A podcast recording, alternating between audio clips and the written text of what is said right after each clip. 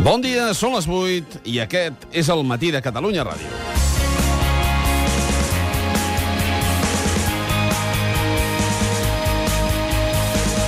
La compareixença de Mas tranquil·litza l'escenari a la política catalana al mateix temps que la qüestió del dret a decidir es va posicionant en l'àmbit internacional. Sense cops de timó, però amb un discurs ben estudiat, Artur Mas va aconseguir dimarts no incomodar ningú i en comença a recollir els rèdits. Ahir al Congrés, a Madrid, el ministre d'Hisenda, Cristóbal Montoro, assegurava que les relacions entre el govern espanyol i el català van pel camí de normalitzar-se.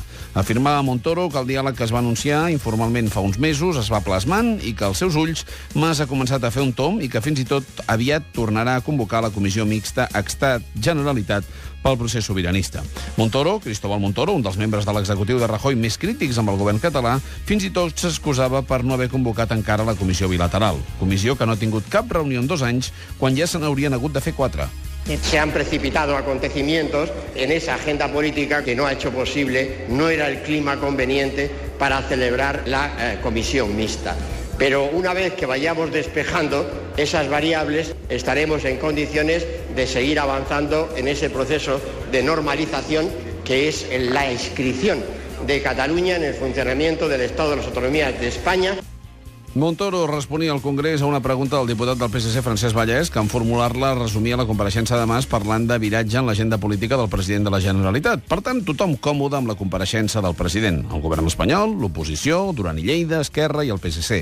A tots els ha donat espai per poder encaixar en el seu discurs. Complau Duran i Lleida quan descarta una proclamació unilateral d'independència, deixa espai a Esquerra, mantenint la disposició de fer la consulta el 2014, i també en deixa el PSC menys intranquil si la proposta passa per la consulta.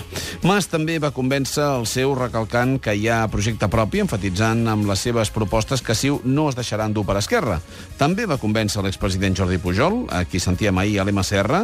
Pujol té en contraposició a Mas el vessant incòmode del discurs de Convergència. Esquerra i el PSC el reclama implicació i pels que estan còmodes a Madrid una reclamació. Menys crítiques, més propostes i menys portes tancades l'encaix de Catalunya a Espanya. Ara, ara ja ho sap tothom que això no encaixa. Però ara què he de proposar? Perquè sempre proposem què nosaltres proposa? un sistema de finançament. Jo, què proposa? Pregunta, eh? Sí. A Madrid ni això. Comencen per dir, evidentment, que s'han trencat els ponts. Això, això ho accepten, no? S'han roto els ponts, s'han trencat els ponts, s'ha de refer això, s'han de refer els ponts. Però això ja ha estat més, s'han trencat els ponts. Hi ha alguna proposta per refer-ho? Vostè en sap alguna? Vostè no, jo tampoc. I un altre missatge pel govern espanyol. Aquest l'envia el primer ministre britànic David Cameron. That, um... No crec que sigui bo mirar d'ignorar aquestes qüestions de nacionalitat, independència, identitat. Penso que és millor explicar els seus arguments i deixar que la gent decideixi. Però aquesta és la manera de fer de les coses al Regne Unit. No voldria pas dir als espanyols com han d'afrontar aquestes qüestions. És cosa del govern espanyol i del primer ministre espanyol.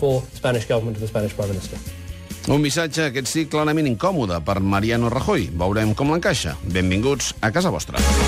El matí de Catalunya Ràdio, amb Manel Fuentes.